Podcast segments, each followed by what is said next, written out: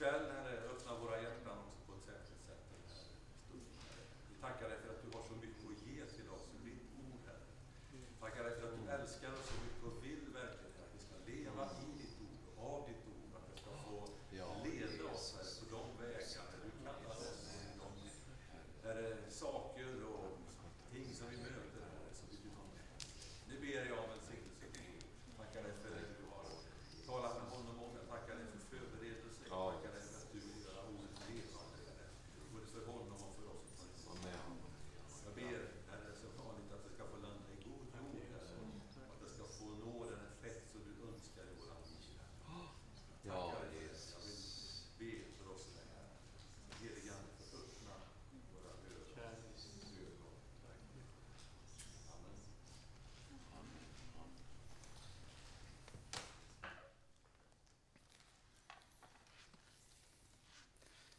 Som vanligt så är det jätteroligt att vara tillbaka här. Det är alltid tråkigt när man, eh, när man inte är här en söndag. Och det är lite märkligt, man, man tänker tillbaks ibland i sitt eget liv när man har haft söndagar som man bara kände, mm, ska jag till kyrkan eller ska vi ut och äta lite god mat eller ska vi åka till stranden eller göra annat då?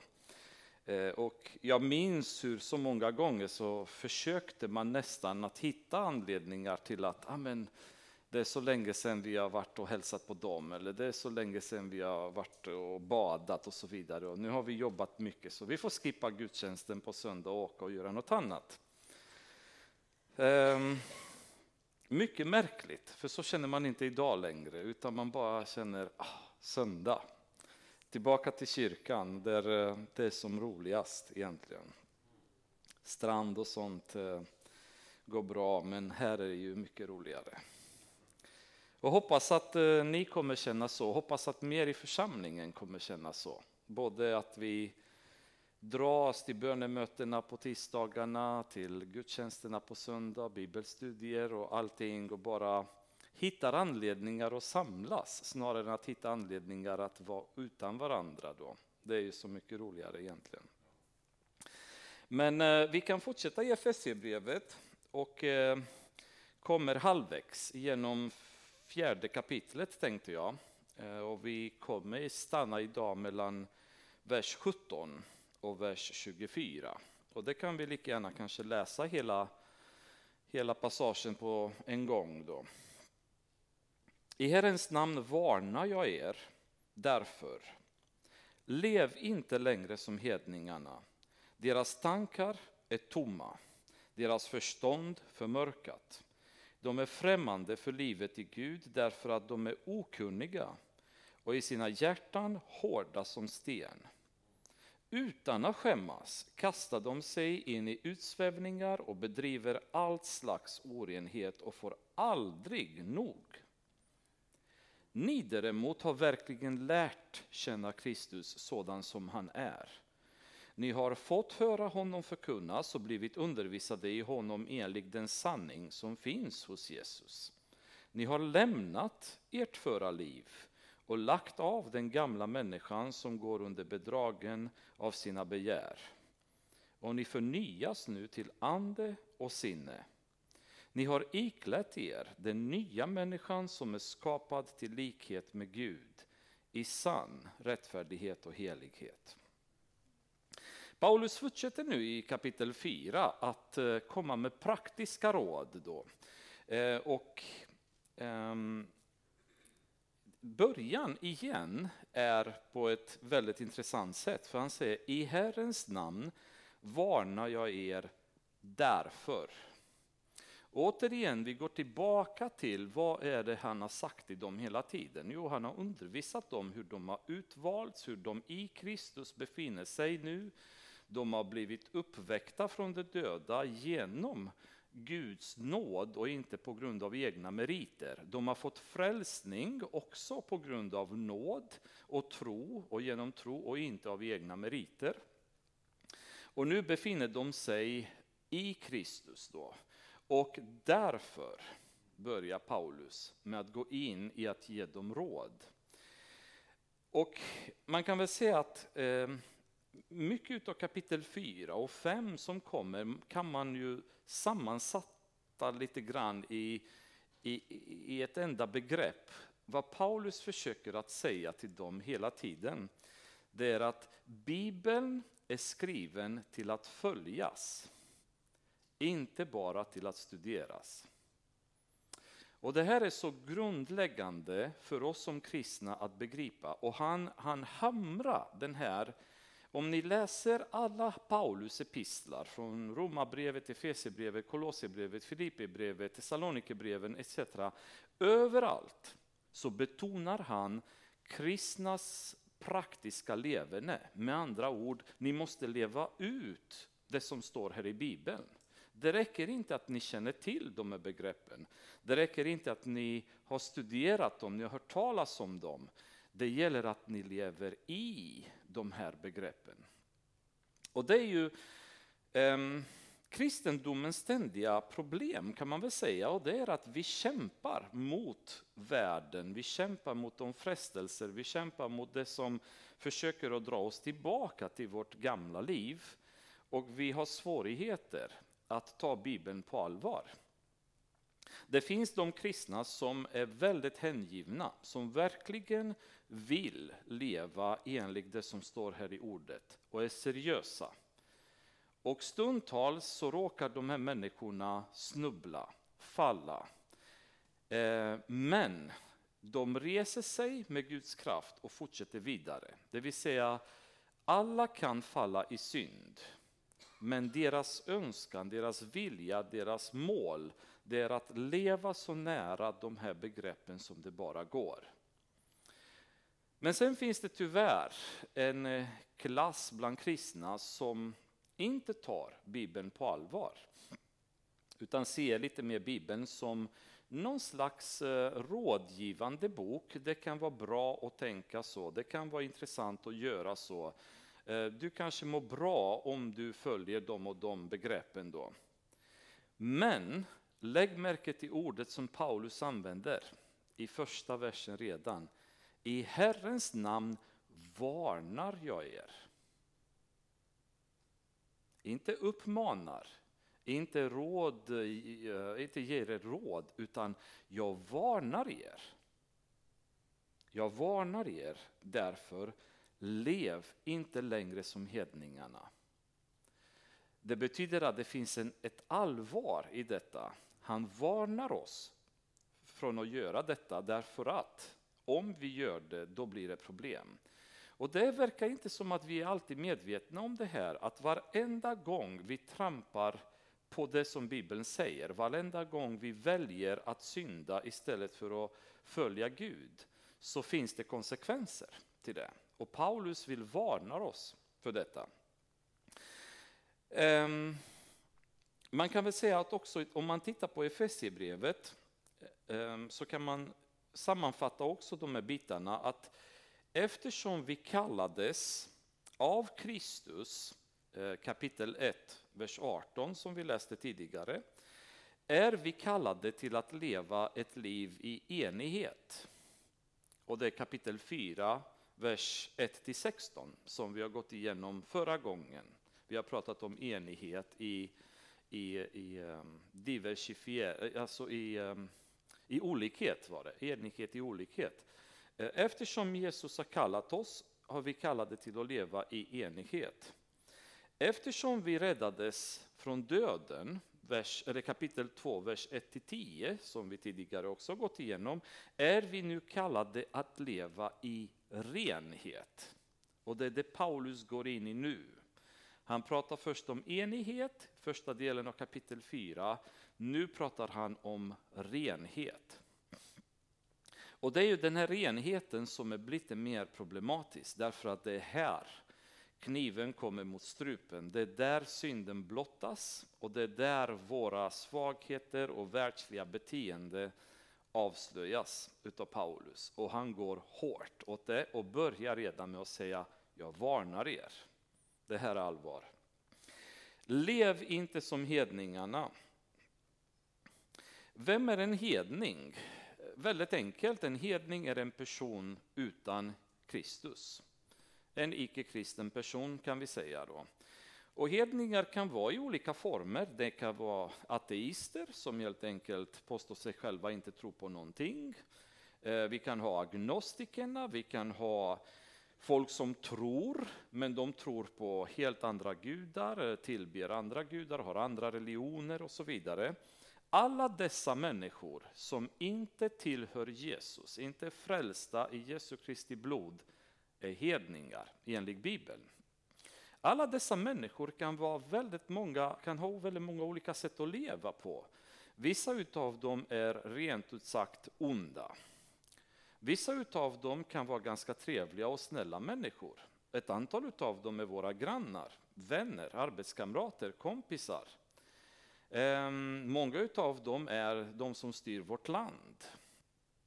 Och Paulus säger, lev inte som dem. Därför att så fort man inte har Jesus som sin Herre, så kan man inte leva herrelös. Utan om inte Jesus är någons herre, då är djävulen den personens herre. Och de människor som är hedningar, de människor som inte är kristna, de följer djävulen. Um, det, det är oavsett vilken slags sort hedningar vi pratar om, har de alla en sak gemensamt och det är att deras herre är djävulen. Kristnas herre är Jesus. Och Paulus säger därför lev inte som dem längre. Därför att mellan er och dem finns det ingenting gemensamt längre. Och det är ganska så, så intressant när man ser hur tydlig Bibeln är på den punkten, men hur svårt vi kristna verkar ha att göra detta idag. För vi vill så gärna vara som alla andra. Det är nästan att kristna numera är det, det, största problemet för församlingarna idag, det är hur kan vi efterlikna världen så mycket som möjligt utan att komma i konflikt med Gud. Det verkar som att det är det folk upptar sig med. Kan jag ha på mig de här kläderna och, som de har i världen och ändå vara okej okay med Gud? Kan jag prata som de pratar och ändå inte uppröra Gud? Kan jag titta på de filmer de tittar och utan att uppröra Gud? Kan jag lyssna på samma musik som mina ofrälsta kompisar lyssnar men ändå ha en bra relation med Gud på något sätt? Um, kan jag leva som de gör? Kan jag vara med på fester med dem? Kan jag gå på puben med dem? Det är en diskussion mycket bland kristna idag. Kan vi gå på puben också och dricka lite sprit med våra kompisar? Men ändå är vi kristna och vi försöker att följa Gud. Så hela tiden förstår vi inte detta att vi skall inte vara som hedningarna. Vår Herre är inte samma som deras Herre. Vi ska inte göra det de gör, utan de ska följa oss. De ska göra det vi gör, för vi har den rätte Herren och det är Jesus. Men det känns inte som att kristna begriper detta, utan det finns hela tiden en, en längtan till att få vara som de andra, med någon slags önskan och, och, och vilja av att inte komma på, på fel fot med Gud, utan ändå vara kompisar med Gud, men så nära och så djupt inrotade i världen som vi bara kan. Och det säger sig självt enligt Paulus att det här funkar inte. Vi ska inte vara som hedningarna. ehm, varför? Jo, han börjar resonera varför. Han säger att deras tankar är tomma, deras förstånd är förmörkat. De är främmande för livet i Gud. Och det, är, det här är ett, en underbar beskrivning egentligen av världen idag. Ett liv utan Jesus är tomt, är meningslöst och är mörkt. Tomt, meningslöst och mörkt. Om vi öppnar till Johannes evangeliet, 15 kapitlet, kan vi läsa mellan vers 1 och 8.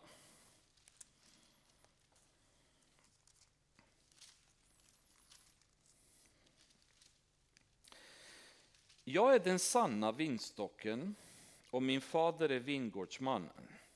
Varje gren i mig som inte bär frukt skär han bort och varje gren som bär frukt rensar han för att den ska bära mer frukt.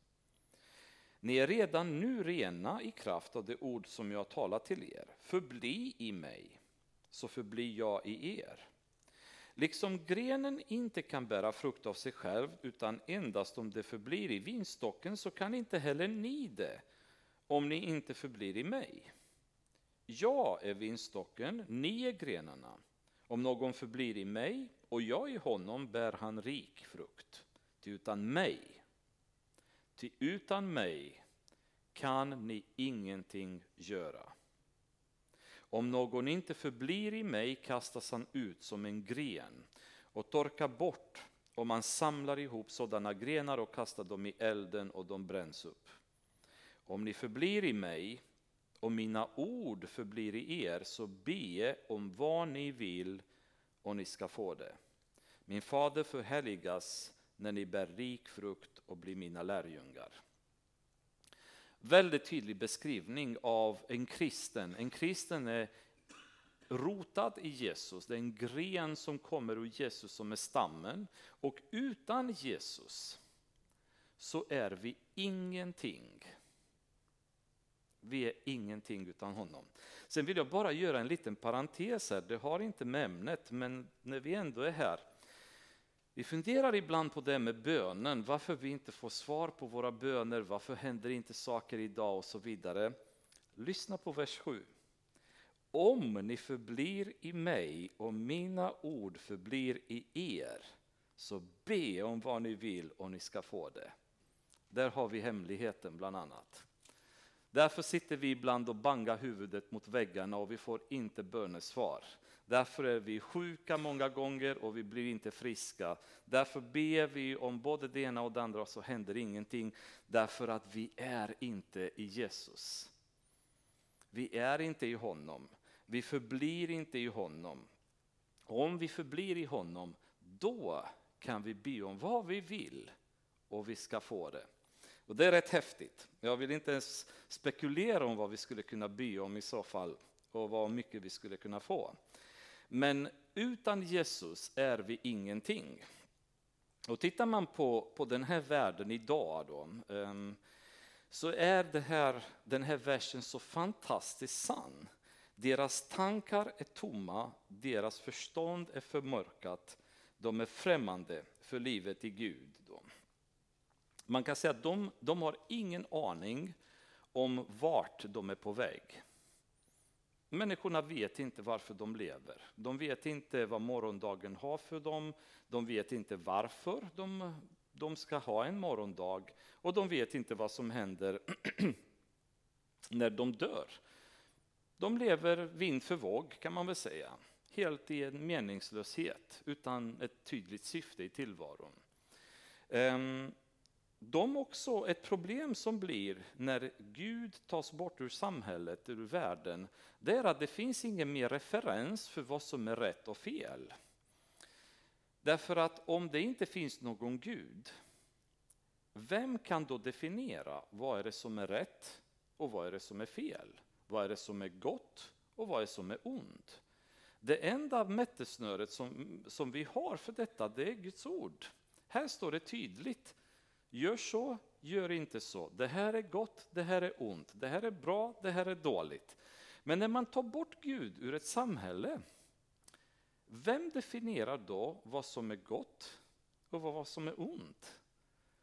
Och tittar man på den förvirring som råder i vår värld idag, och vi behöver inte gå till andra länder än bara titta på Sverige, så är det en ständig förvirring kring vad är det som är gott och vad är det som är ont. Saker som är självklara eller som har varit självklara goda tidigare ses idag på som att de är onda.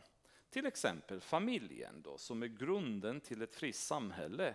Att man har en mamma och pappa, man har barn, man tar hand om barnen, man uppfostrar barnen och så vidare och bygger grunden till vårt samhälle. Idag så ses familjen som ett hot för samhället. En mamma, pappa, barn konstellation är ett hot för vår, vårt moderna samhälle. Eh, till den punkten där Gudrun Schyman ropade i median död åt eh, kärnfamiljen, som hon kallade det då. Eh, hatet mot man, kvinna, barn, det ska bort. Det är ont, säger samhället. Då.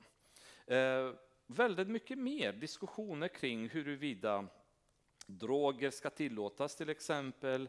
Ehm, att människorna blir förslavade i drogmissbruk har varit självklart i många år. Men nu vänder opinionen mer och mer och mer. Alexander Bard och gänget har varit i median och predikat om vikten av att släppa cannabis fritt i Sverige. För då kommer människorna må mycket bättre när de får röka hash och, och missbruka så som de vill. Då blir de lugna, de blir stillsamma och så har vi inga mer problem i samhället. Um, väldigt, väldigt mycket hela tiden en förvirring och ena året är det en lag som råder, nästa år så byter de lag därför att De vet inte, har det här varit bra? Eller, nej, det här verkar vara bättre. Och det blir aldrig en tydlighet i att det här är ont och det här är gott. Och i svenska samhället efter folkhemmet när, när eh, det har blivit lite mer oro eh, under rödstrumpetiderna och hippierörelsen och eh, den perioden då, 60-70-talet, så har man börjat experimentera hela tiden. Man har liksom tagit bort värderingar, tagit in nya värderingar, man har gjort om samhället. Man har ju hela tiden sagt att det här är inte bra, men det här är bra. Aha, tills någon annan kommer och säger att nej men det här var inte bra heller, utan det här är ju ännu bättre. Och så blir det en ständig förvirring. Och det blir ju så, när själva mättesnöret för vad som är gott och ont, Guds ord, tas bort från samhället så har ingen i samhället en blekaste aning om vad är det som är gott och vad är det som är ont. Eh, vidare kan man väl säga att de har ingen tydlig identitet. De vet inte var de kommer ifrån, de vet inte vart de är på väg och de vet inte Herre, vilka de är just nu, människorna. Till den punkten där just nu till exempel så råder det en total könsförvirring i Sverige. Där män vet inte om de är män längre och kvinnor vet inte om de är kvinnor längre. Eh, utan det kan vara så att jag är man, men jag faktiskt identifierar mig som kvinna. Eh, därför att jag innerst inne känner att ja, men jag tycker att jag tänker lite grann som en kvinna. Så egentligen så vill jag faktiskt gärna gå på kvinnliga toaletter därför att jag är en man, men om jag identifieras som kvinna, varför ska jag gå på manlig toalett? Eh, varför ska jag byta i ett manligt omklädningsrum? Ja, men du är ju en man, du, du ser ut som en man, du har skägg, liksom, du är inte en kvinna. Men det spelar ingen roll, för jag identifierar mig som kvinna och därmed nu i samhället så har jag rätt att kräva förmåner. Bland annat så ehm, eh, någon i eh, Vänsterpartiet krävde till exempel att männen ska också ha tillgång till preventivmedel. Därför att det är ju orättvist för de män som identifierar sig som är transgender och identifierar sig som kvinnor. De vill också ha preventivmedel. Ja, men du föder inte barn. Nej, men det spelar ingen roll för att jag, jag tror att jag är en kvinna och då vill jag också ha preventivmedel för att inte bli diskriminerad jämfört med kvinnorna. Förstår ni vad världen kommer till utan Gud? Allt det här galenskapet är resultatet av en värld som har slängt ut Gud ur samhället och slängt ut Bibeln. Och nu sitter de här visa människorna som har skapat detta och kommit fram till slutsatsen att det faktum är att det finns inte två kön, manligt och kvinnligt, utan det finns ungefär 72 olika typer av kön. Och människorna kan identifiera sig precis som, som de vill. Då. Eh, och de har rätt då att betraktas seriöst och till och med stifta lagar som i Tyskland just nu, det finns en lag som säger att det finns ett tredje kön. Det är manligt, kvinnligt och det finns något som heter, som vi säger, hen i Sverige. Det är någon som säger jag är varken kvinna eller man, just någonstans mitt emellan. Um, och det, den här totala förvirringen som skapas, det är också en identitets, ett identitetsproblem. Folk vet inte vilka de är, därför att identiteten ges utav Jesus. Ni kommer ihåg när det står att vi är medborgare i himlen, det är vårt, vår identitet. Det är mitt pass, liksom. det är den jag är. Det är den som Gud definierar mig som. Det är den jag är. Han har skapat mig till man och jag är en man. Liksom. Det är inte så mycket svårare än så egentligen. Ehm, likaså en väldig förvirring kring var de kommer ifrån. För när man tar bort Gud ur samhället och hela skapelseberättelsen, när Gud eh, visar hur människan har kommit till, där en skapare har i detta kaos gått in och börjat designa eh, jorden och himlen och stjärnorna och människan. Eh, när, när den sanningen tas bort nu så måste den ersättas med något. Och det mest populära, det finns jättemånga andra teorier, men det mest populära som våra barn lär sig om i skolan, det är ju evolutionism. Det vill säga att någon gång för många, många miljarder år sedan, det är egentligen ingen som vet hur många miljarder år, men de, de drar på med väldigt, väldigt många miljarder. De kan säga 50, de kan säga 100, det är ingen som vet förstås. Men eh, någon gång för många miljarder år sedan så har det funnits en liten partikel som är ungefär som en torkad böna. Då.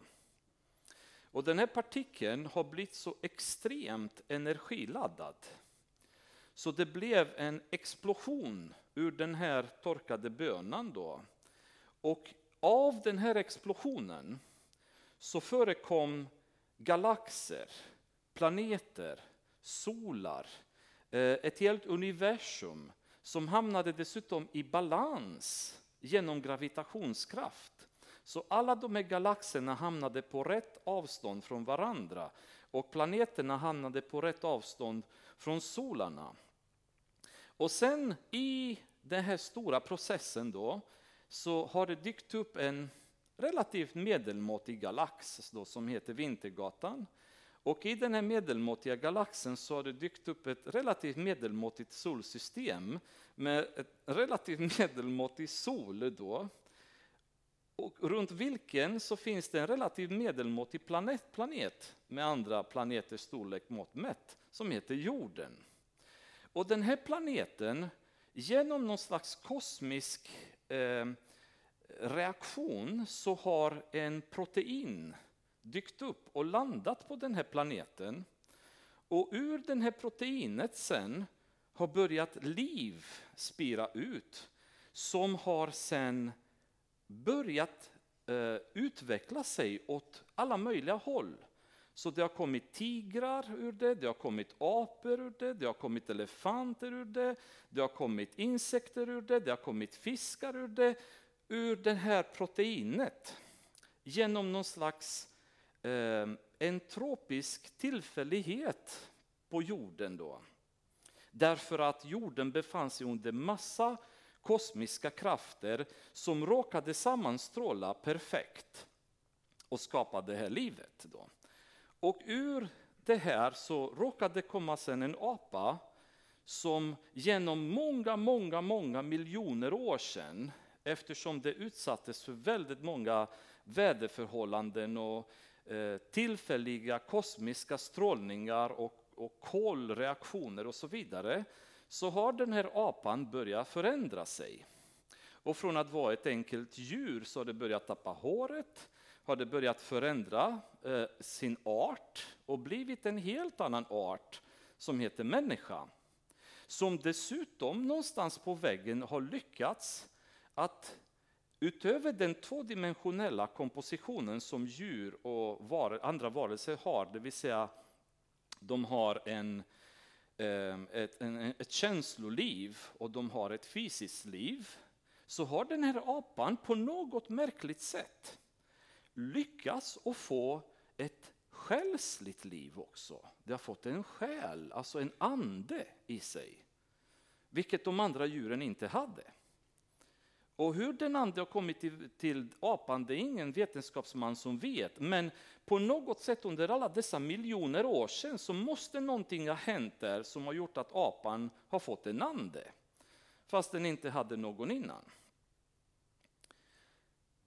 Om jag nu skulle gå och säga att eh, vi drar allihopa till Vristulven och åker lite kanot och sen plötsligt så sätter jag mig trött som jag är och börjar gräva i sanden och sen plötsligt ur sanden så plockar jag upp en klocka. Ehm, och då skulle jag säga till er att ja, jag har hittat en klocka här. Då skulle ni komma till mig och säga nej, nej, nej, nej. Det där klockan, eh, det, det, har du inte bara hittat. Det är ingen som har tappat den klockan. Den klockan är ett resultat av många miljoner och miljarder år i vilket vattnet från Vistulven tillsammans med andra kosmiska reaktioner och radioaktivitet och ni kan nämna vad ni vill, protoner, elektroner, neutroner som har kommit i kontakt med varandra eh, under solljus och värme och kyla och allting. Allt detta har gjort att den här klockan har formats. Och mekanismerna i klockan har blivit perfekta och fönstret på klockan är rätt polerat. Och, och klockan går precis med den hastighet som atomklockan i, i, eh, i Greenwich går. Och allting fungerar perfekt. Då skulle jag säga till er att det finns ett väldigt bra ställe där sådana människor som ni kan få hjälp och det heter Falbygden. Om ni skulle säga det till mig.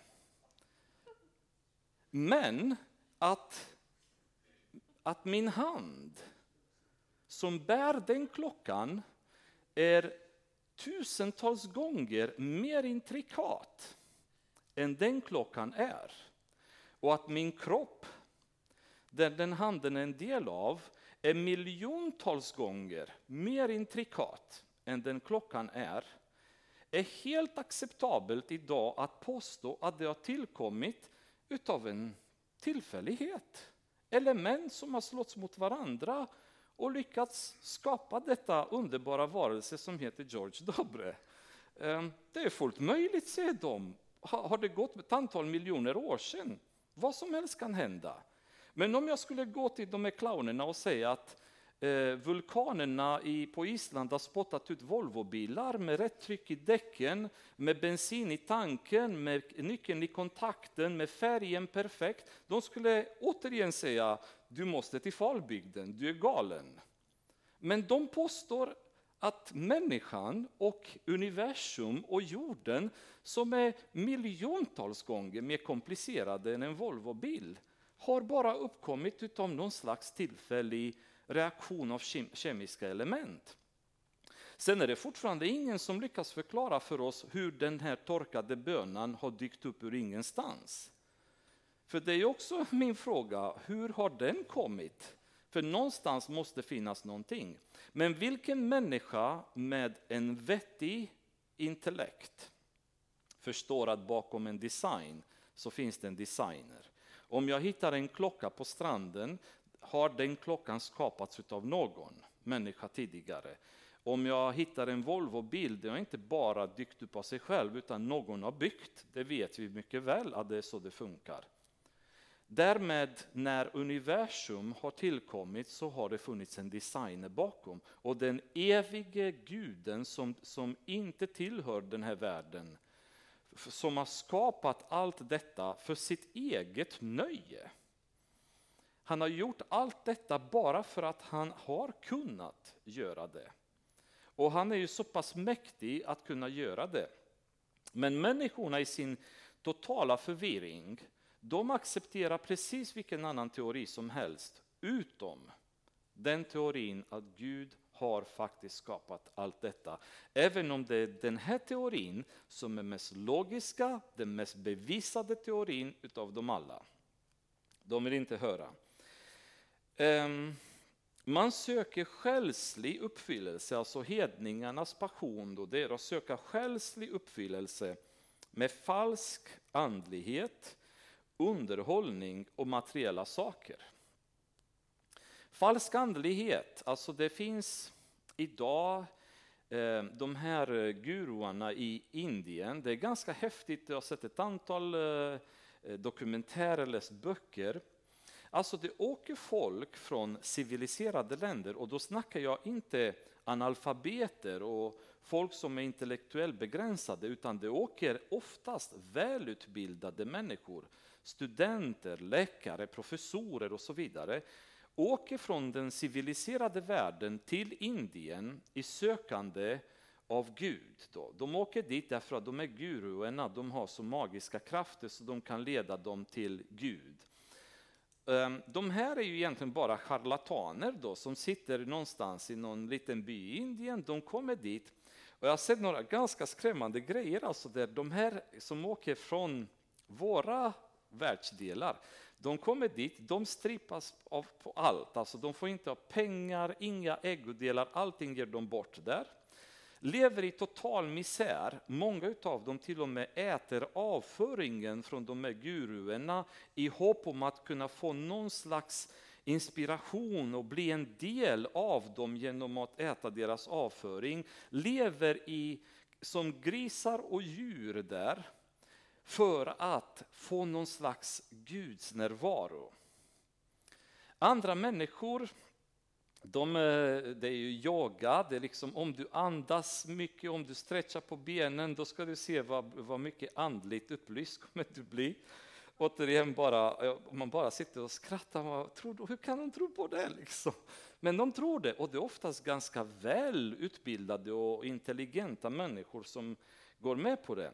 Och folk är beredda att i princip tillbe eller dyrka vad som helst.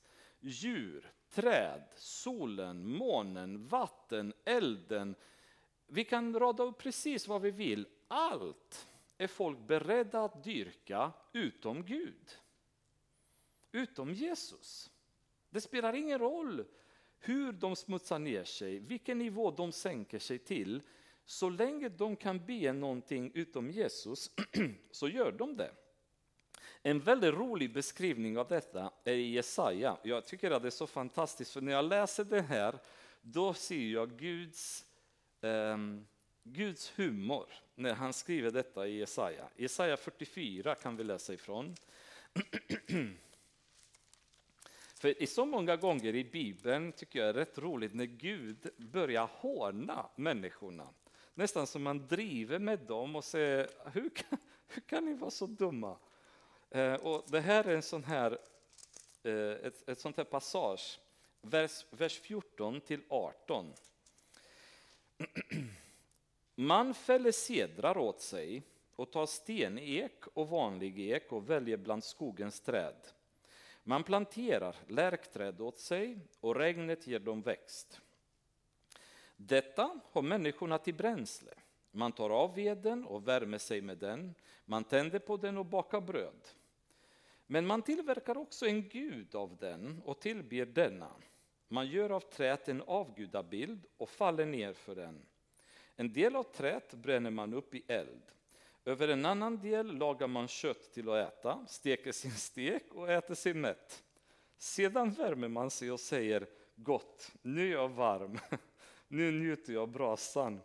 Men av det som är kvar gör man en gud, en avgudabild, för den faller man ner och tillber. Man bönfaller inför den och säger rädda mig, för du är min Gud. Dessa människor vet ingenting och förstår ingenting, till deras ögon är tillslutna så att de inte ser och deras hjärtan så att de ingenting begriper. Alltså det är så underbar beskrivning där Gud säger folk går och plockar ett träd ur skogen, de hugger ner det där trädet i, i små kvistar, sen tänder de en eld, sätter de sig och lagar mat, äter gott, värmer sig. Och sen ur glöden så hittar de någon liten kolbit. De tar och börjar karva i det, bygger sig en gud. Och sen går och ber till det här och säger hjälp mig, rädda mig. Alltså, det är Falbygden igen. Liksom. Det, hur man än gör så kommer man till samma slutsats. Människan utan Gud blir galen. Och det är precis som Paulus säger, deras tankar är tomma. Alltså de är fullständigt bortblåsta i huvudet i mer modernt språk skulle man säga. Och deras förstånd är förmörkat. De begriper inte någonting. Och det är ju, det är ju den moderna människan så att säga utan, utan Gud. Kunskap tror många eh, av hedningarna att det är ju uppfyllande, en, en själslig uppfyllelse då för dem. Och många läser på, eh, doktorand efter doktorand och professorer och utbildning på utbildning på utbildning. Och det tar aldrig slut. Ehm, och vi tror med världens ögon att oj, vilka smarta människor det blir utav dem. Tills man läser första Korintierbrevet kapitel 3, vers 19 och 20 som ni säkert har lärt, hört mig läsa tidigare, för det är en stor favorit hos mig. Till den här världens visdom är dårskap inför Gud. Det står skrivet, han fångar de visa i deras slughet och vidare, Herren känner de visas tankar och vet att de är tomma. Det är vad människorna söker sig till, vishet och kunskap. Men Gud säger denna världens vishet är dårskap. Det är falbygden som gäller för alla dessa människor. Det är dårar. Ändå så är det världen som ser upp till dem, följer deras råd. De får tid i tv-soffor på tv. Varenda dag vi öppnar en tv-kanal så sitter sådana dårar och pratar till oss genom tvn om smarta saker som de har upptäckt. Och alla de här människorna är hedningar som är dårar. Deras herre är inte vår herre. Den som leder dem är inte den som leder oss. Och vi har egentligen inte mycket att plocka ifrån dem därför att i Guds ögon är de inget annat än dårar. Och det är svårt att tänka sig att det är så, men faktum är att det är tydligt beskrivet här. En annan grej som man skaffar sig det är ju rikedomar för att, eh, för att hitta en mening i tillvaron, i den här tomheten och i det här mörkret som de lever. Så tror många att genom att bli rikare, skaffa sig mer prylar så blir man, man får mer mening i tillvaron. Um, och det vet vi, vi behöver inte stanna jättemycket kring det och, och veta hur fåfäng tanke denna är och att rikedomarna inte på något sätt skapar någon lycka. Men eh, bara som för att förlöjliga konceptet då, så, så hörde jag en berättelse som förstås är påhittat men jag tyckte det var ganska rolig då. Och det är en man som som närmar sig så att säga, slutet av sitt liv och känner att eh, han, han vill inte gärna komma till himlen tomhänt. Så han ber till Gud och säger till, till Gud, Herre får jag, får jag ta någonting med mig i himlen? Nej, det får du inte, säger Gud, utan du går tomhänt där. Snälla Herre, jag skulle gärna vilja ta med mig något. Och han ber och ber och bönar och till slut så säger eh, Herren att men, ta med dig något då. Då så rusar han direkt, hittar en stor bag och fyller det med massa guld. Då. Och sen när han kommer till himlen så möter han änglarna där och så tittar änglarna på honom och säger Vad har du i bagen, bagen där? Ehm, ja, men det har jag lite grejer som jag tog med mig hit. Det får du inte ha med någonting, säger änglarna. Jo, men det får jag, för jag har ju bett till Herren och Herren sa att jag fick ta med mig någonting. Jaha, säger änglarna. Ehm, visa vad du har med dig. Och då öppnar han bägen och så visar han massa guldtacker som hon hade stoppat med sig in i, i bägen. Då tittar ena ängeln på det. Aha, eh, tog du massa vägmaterial? Och det, det var, tyckte jag var en så rolig berättelse om att vad, vad lite av det som är viktigt för oss här på jorden är viktigt i himlen. Alltså vägarna är i guld där. Eh, vi bor i palats av diamanter och, och, och liksom ädelstenar. Så vad är poängen med att kämpa här på jorden? Men ett problem med jakten på rikedom, det är också därför att vi jämför oss med hedningarna. Hur många utav er köper saker därför att någon annan har köpt? Hur många av er renoverar era hus därför att er granne har gjort det? Och då måste ni göra det också. Hur många av oss köper sig kläder eller eh, eh, materiella saker därför att vi ser någon annan har gjort det? Men tänker ni på att många av de här som gör det är hedningar? Det är människor som inte har vår tro. De har inte vår framtid. De, får, de har inte vår destination. De lever för nuet och därför håller de på att renovera sina hus dygnet runt tills de dör. Tills de går i graven så står de med hammaren och bygger sig finare och större och vackrare hus och köper sig finare och större och, och, och häftigare bilar och åker på dyrare och häftigare resor och köper sig häftigare kläder och, och, och går överallt där det är dyrt och fint. Då. Men vår, de har inte vår destination. De vet inte ens var de är på väg. De lever för idag medan vi lever för Guds rike. Vi har ett annat syfte med tillvaron än de har. Så varför följer vi så mycket deras exempel?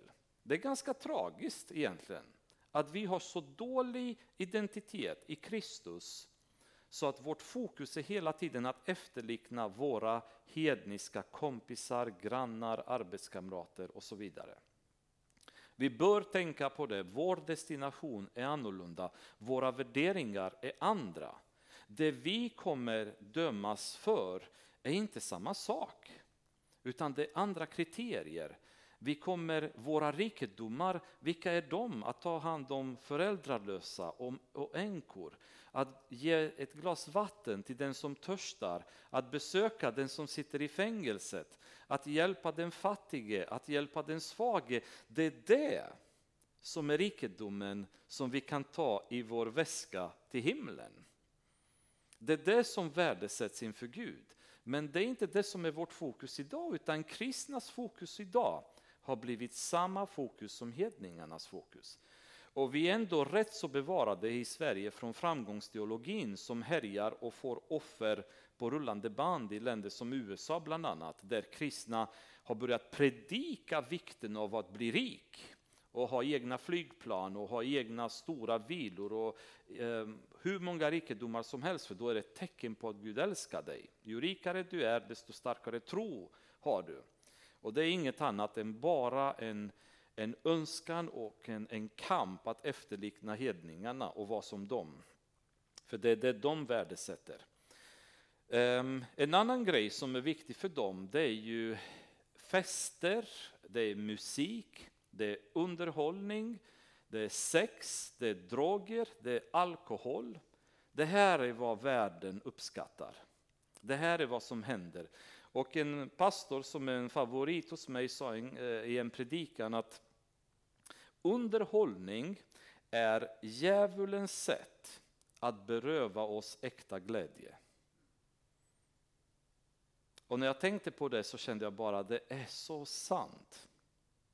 Underhållning är djävulens sätt att egentligen beröva oss det som gör, det, gör oss glada. Vi sitter som, som hedningar fastklistrade framför tvn och tittar på meningslösa program. Vi går på konserter, precis som hedningarna gör. Um, runt om i Sverige, runt om i världen kanske. Det är en rockkonsert i Göteborg, men vi åker dit också. Um, vi lyssnar på musik som har okristna texter, som har vulgära texter. Vi ser på filmer eh, många gånger som innehåller svordomar, pornografi eh, och så vidare. Ehm, och vi gör alla dessa saker precis som hedningarna. Det är det hedningarna sysslar med. Det är det, det är det som de samlas kring.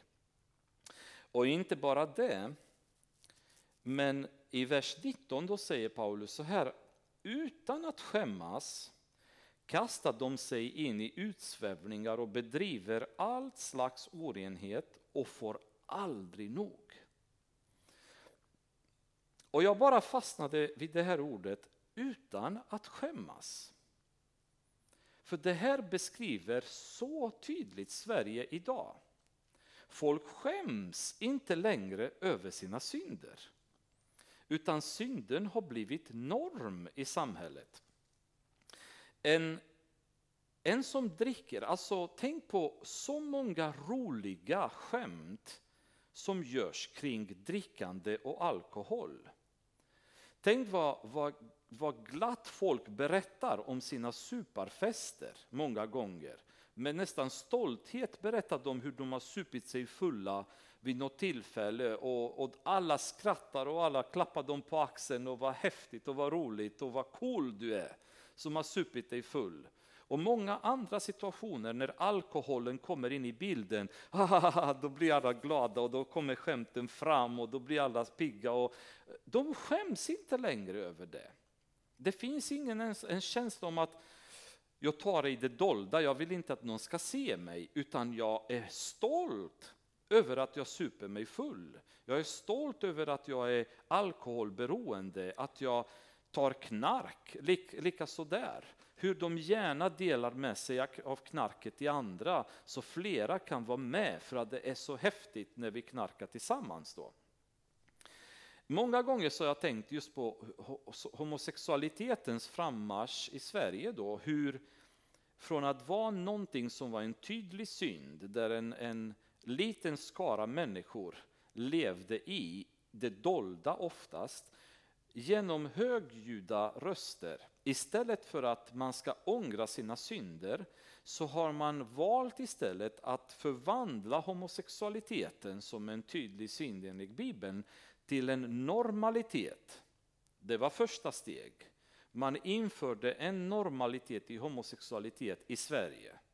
Men sen steg nummer två, som är nu, är ännu mer att homosexuella nu har blivit stolta över att vara det. Och på senaste Pride-parad så demonstrerade de med plakater där det stod död åt heterosexualiteten. Så inte bara att man lever i sin synd, men man gör det utan att skämmas. Man går öppet på gatorna i, Stöp, i Stockholm och demonstrerar halvnaken därför att man är stolt över sin synd. Och man lever glatt och man delar gärna med sig till alla andra och vill att alla andra ska bli som dem. Alla heterosexuella ska försvinna och det ska bli ett samhälle bebott av homosexuella.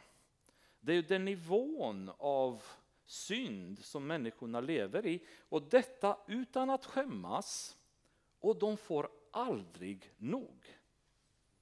Det blir en spiral, om ni kommer ihåg, vi pratade om den här syndens spiral då när om man inte slutar synda, om man inte vänder sig till Kristus så kan man aldrig komma ur en synd. Man kan inte bara säga att jag begår ett litet brott och då stannar jag där. Jag begår en liten synd, eh, jag är otrogen mot min fru bara en gång. Ehm, jag gör det bara en gång, utan så fort jag har gjort det så kommer nästa och nästa och spiralen bara fortsätter att gå neråt och drar det ner till helvetet hela vägen. Därför att det finns ingen möjlighet att stanna. Det enda sättet att stanna från spiralen, då, från synspiralen, det är att komma till Jesu fötter och be om förlåtelse. Och bli frälst och ta emot honom som Herre i ditt liv. Annars kan man aldrig komma ur den spiralen. Så de som tror att man, man kan begå en synd och så är det inte mer med det, de lurar bara sig själva. För när djävulen har tagit tag i en person kommer han rida på den personen tills han knäcker sönder den personen. Det finns inte en chans att han släpper taget. Det finns ingen anledning för djävulen att någonsin släppa taget över en människa som han har fått tag på. Han kommer aldrig ge upp frivilligt. Enda sättet för honom att ge upp, det är för den människan som, som kommer till Jesus, erkänner sin skuld och ber i ödmjukhet om förlåtelse. Då, då blir han befriad. Då blir han uppväckt i den död, från döden till livet. Då. Jag nämnde den här budskapen ikväll, ta av er gravkläderna. Och det vi har pratat om just nu eh, mellan de här verserna, det är ju om, om vilka kläder dessa döda människor har på sig. Men det finns en liten sak här till som jag skulle beröra innan vi går vidare.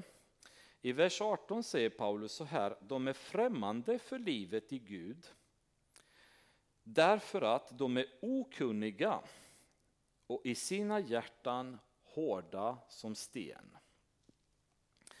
Och då går vi tillbaks till en av mina stora favoritbeskrivningar av Sverige idag och världen idag. Bara för att förstå ännu mer vad Paulus menar här och det är Romarbrevet första kapitlet. Eh, man kan säga att det är handboken för, för, för Sverige idag Eh, den här. Eh, första kapitlet börjar med vers 18. För Paulus förklarar ännu mer det han säger här i vers 18 i ehm, Efesierbrevet, nämligen att de är okunniga i sina hjärtan och hårda som sten. Så går han vidare och säger här Guds vrede uppenbaras från himlen över all ogudaktighet och orättfärdighet hos människor som i orättfärdighet undertrycker sanningen. Det man kan veta om Gud är uppenbart bland dem. Gud har ju uppenbarat det för dem. Ända från världens skapelse ses och uppfattas, uppfattas hans osynliga egenskaper, hans eviga makt och gudomliga natur genom de verk som han har skapat. Därför är de utan ursäkt. Med andra ord, om jag går till en domare och säger att jag begått ett brott, bara för att eh, jag visste inte att det här var ett brott. Enligt lagen så är det aldrig en ursäkt. Därför att det finns alltid skolor, det finns myndigheter, det finns tidningar, det finns media, det finns massa olika sätt för mig att konfronteras med det som är lagligt och olagligt i det land jag lever i. Och jag kan aldrig komma till en domare och säga att jag, jag begick ett brott för jag hade ingen aning att det var ett brott. Och vad Paulus säger här det är att det finns ingen ursäkt för mänskligheten att någonsin säga att de inte kunde tro på Gud för de visste inte vem han var. Därför att han säger att hela skapelsen berättar om Gud. Allting som Gud har skapat är skapat för att förmedla hans makt, hans härlighet. Problemet är bara att dessa människor väljer att tro på den här lilla torkade bönan medvetet. Det är inte för att de inte vet att det finns en Gud. Det är inte för att de inte förstår att det finns en designer bakom en design. Och den är ju Jesus som är ordet från början, alfa och omega. Utan det är därför att de inte vill tro på Gud. Och då har de skaffat sig en alternativ verklighet. Och därför säger Paulus, fastän de kände till Gud, vers 21, prisade de honom inte som Gud eller tackade honom, utan förblindades av sina falska föreställningar. Det är precis vad vi har pratat om. Så att mörkret sänkte sig över deras oförståndiga hjärtan. Och det här, det här är ju det som är det tragiska. När hjärtat blir förmörkat, precis på samma sätt som det står i Efesierbrevet, sina hjärtan hårda som sten deras tankar är förmörkade. De påstod att de var visa, men de blev dårar. De bytte ut den odödlige Gudens härlighet mot bilder av dödliga människor, av fåglar, fyrfota djur och kräldjur. Därför utlämnade Gud dem så att de följde sina egna begär och bedrev all slags otukt och förnedrade sina kroppar. De bytte ut Guds sanning mot lögnen och tog sig för att dyrka och tjäna det skapade istället för skaparen, han som är välsignad i evigheter. Amen. Därför utlämnade Gud dem till skamliga lidelser. Deras kvinnor bytte ut naturliga umgänget mot det onaturliga. På samma sätt övergav männen det naturliga umgänget med kvinnan och upptändes av begär till varandra. Män bedrev otukt med män och fick själva ta det rättvisa straffet för sin förvillelse. Och eftersom de inte ansåg det att vara något värt att ha kunskap om Gud utlämnade Gud dem åt ett ovärdigt sidenlag, så att de gjorde sådant som är mot naturen. De har blivit uppfyllda av all slags orättfärdighet, ondska, girighet och elakhet och de är fulla av avund, mordlust, stridslystnad, svek och illvilja. De skvallrar och förtalar, de hatar Gud och brukar våld, de skrävlar och skryter och tänker ut allt ont. De lyder inte sina föräldrar, är oförståndiga och trolösa, kärlekslösa och hjärtlösa. Sådana gör de fastän de mycket väl känner till Guds rättvisa dom, att de som handlar så är värda döden. Ja, de samtycker också till att andra gör det. Trots att de vet att det här kommer leda dem till döden, trots att de vet vad sanningen är, så har de gjort sitt hjärta hårt som sten och vill inte ta emot Gud. Och dessa människor, säger Paulus, jag varnar er från att följa dem. Vers 20 däremot säger han, ni däremot har verkligen lärt känna Kristus sådan han är. Ni har fått höra honom förkunnas och blivit undervisade i honom enligt den sanning som finns hos Jesus. Och det här är en väldigt, väldigt, väldigt viktig vers. Ni däremot har verkligen lärt känna Kristus. Inte har hört talas om Kristus, inte har läst om Kristus, men ni har lärt känna honom. David Wilkerson lyssnade jag på en predikan där han var helt um, knäckt över just den här situationen att människor idag, att kristna idag inte känner till Jesus. Att det finns folk i församlingar som har gått år efter år här och fortfarande inte känner till Herren. Deras relation med Jesus är så dålig så de vet fortfarande inte vem Jesus är. Att känna Jesus det betyder att vi har en väldigt, väldigt nära relation med honom i bön, eh, i hans ord och genom att leva ut hans ord. Ni kommer ihåg att Jesus säger mina får känner igen min röst. Jag känner igen min familj på hur de går i trappar, hur de öppnar dörren. Ehm, allt därför att jag umgås med dem hela dagarna. Och när vi inte umgås med Jesus, vi känner inte honom.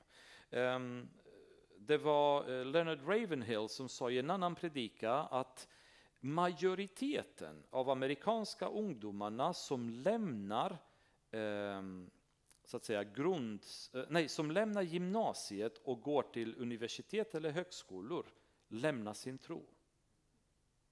De har vuxit upp i församlingar, de har varit med och sjungit lovsång och varit på ungdomsmötet och höjt handen och gått fram och för förbön och ändå har de inte känt Jesus. Det är så mycket fokus hos oss idag på att få människor att komma fram i kyrkan. När jag, gått in, när jag var på Nyhem till exempel, så efter varje möte så ser man att de vill att människor ska komma fram. Och många gånger så hör man efter evangelisationer att eh, 5000 människor har blivit frälsta, 400 människor har blivit frälsta eller eh, 20 människor har blivit frälsta och så vidare. Att komma fram under en känslomässig beröring under ett möte betyder ingenting. Det viktigaste är att vara kvar och lära känna Jesus. Vet ni vad kristendomens uppdrag är? Jag skulle tro att majoriteten av er säger att gå i hela världen och predika evangeliet. Men vad var det sista Jesus sa? och gör lärjungar. Och det är det vi inte gör. Vi tar inte människorna och tar hand om dem så att vi kan hjälpa dem att lära känna Jesus och komma på djupet. För faktum är att syftet med kristendomen det är inte att konvertera andra människor. Christ, syftet med kristendomen står i Johannesbrevet 17 kapitlet. Vers 3 säger Jesus så här. Detta är evigt liv, att de känner dig, den enda sanne guden och den som du har sänt, Jesus Kristus. Detta är vad vi kristna ska göra. Vi ska lära känna Jesus. Vi ska umgås med Jesus. Vi ska vara i ordet och lära känna honom genom ordet. Men sen så gör vi det han säger, går, gå och gör, lyd mina ord, följ mina ord. Då går vi och gör allt annat, då lever vi det liv som man vill att vi ska göra. Men då gör vi det i relation med honom, under ledning av honom, under kunskap om honom. Och det är ju det, är det som jag upplever en, en tragedi i församlingarna idag. Och det är att vi känner inte Jesus. Jag tror att det är så många av oss som lever så långt ifrån Gud så vi har väldigt, väldigt lite koll på vem Gud egentligen är och vem Jesus egentligen är. Vi har hört talas om honom, vi har hört predikningar om honom, vi har hört bibelstudier, vi har haft stundtals eh, tillfällen då vi själva läste i ordet om honom. Men har vi verkligen lärt känna Jesus? David Wilkerson i den predikan berättade hur efter väckelsen i New York så blev han bjuden kors och tvärs över hela landet för att åka och predika och inspirera då. Och han hade varit igång och flugit överallt och, och, och en dag plötsligt så sa han att Gud grep tag i honom och frågade honom, vad gör du? Du umgås inte med mig längre. Då hade han blivit populär. Han sa, jag var, jag var iväg och predikade, jag var känd. Och då bestämde han sig omedelbart att annullera alla uppdrag han hade, kröp tillbaka som han sa till korset, tog tag i ordet och började lära känna Jesus på nytt. för han hade glömt bort vem Jesus var. Och det var det skakande predikan. Jag rekommenderar att ni lyssnar på Youtube som kan engelska. om ehm, Det heter ehm, The Secret of Anointing eller något i den stilen. Då. Um, hur, hur viktigt det är att man är smord och en smörjelse utan Jesus är det omöjligt att få. Då.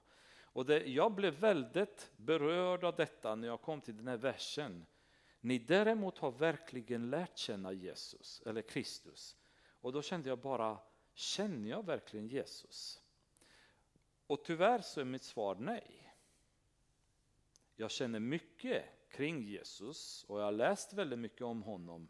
Men att komma till den punkten där jag känner att jag känner Jesus hjärta.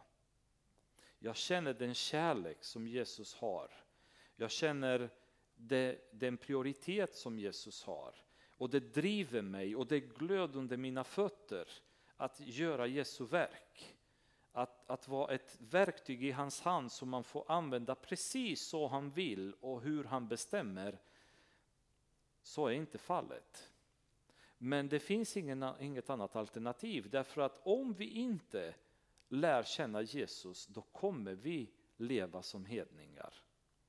Och Paulus säger, jag varnar er för att göra det. Jag varnar er, och det är allvar i hans röst då.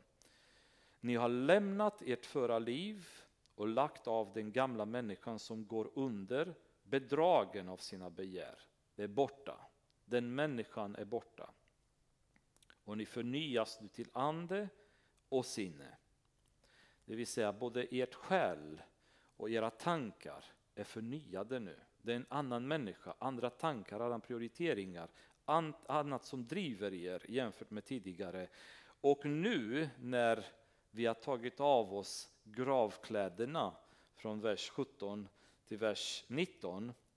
Nu har ni har iklätt er den nya människan som är skapad till likhet med Gud i sann rättfärdighet och helighet. Och det är ju egentligen målet med detta. Det är att vi lämnar den människan, vi blir en ny människa och vi börjar lära känna Jesus. Och det är ju min önskan för mig och för er att just att vi förstår den här vikten som församling att lära känna Jesus. Att vi struntar i det som har med världen att göra och världens sätt att tänka och världens sätt att analysera saker och bara går och söker oss till Jesu fötter och bara ber honom att uppenbara sig för oss och börja lära känna honom. Kanske strunta i andra böcker, kanske annan musik ett tag, i andra tv-program och så börja ta Bibeln på allvar och börja gräva i Bibeln för att se om vi kan lära känna Jesus lite mer. Herre Jesus, jag ber för den här församlingen och mig själv att du ska bara välsigna oss med vilja och kraft att vilja lära känna dig. Att du verkligen uppenbarar dig i all din majestät. Herre Jesus, du är inte bara ett lamm längre utan nu är du universums härskare som i Uppenbarelseboken kommer döma hela världen, Herre. Det är du som är, som är den, den starke lejonen, Herre. Och ur din mun kommer en svär, ett svärd som kommer, kommer ta, ta alla människor till ansvar, Herre, när vi står inför dig. Du är ju mäktig, du är helig, Herre Jesus. Låt oss inte bara betrakta dig som en kompis som vi kan göra vad vi vill när vi vill med dig Herre, utan låt oss förstå allvaret av vem du är som vår frälsare men också vår Herre och kung. Så att du blir en del av våra liv Herre, du tar över våra liv och styr våra liv efter ditt behag, åt vilket håll du vill, för du vill alltid gott för oss Herre. Jag ber också för församlingen, var och en av oss ikväll och alla andra som inte är här.